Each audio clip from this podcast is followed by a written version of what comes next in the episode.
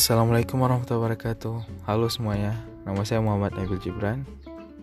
Saya berasal dari Aceh dan sekarang saya sekolah di Turki kelas 3 SMA Dan sebenarnya saya nggak pernah tahu gimana caranya buat podcast dan nggak pernah belajar. Namun ya niat saya sih sebenarnya hanya ingin bermanfaat bagi sekitar. Makanya saya buat podcast, berusaha untuk buat podcast. Jadi podcast saya ini ya berisi tentang cerita saya, cerita yang pernah saya alami tentang ya pengalaman-pengalaman saya lah selama ini. Mungkin dari pengalaman-pengalaman itu kita bisa ambil sebuah pelajaran yang bisa kita pakai di kehidupan kita.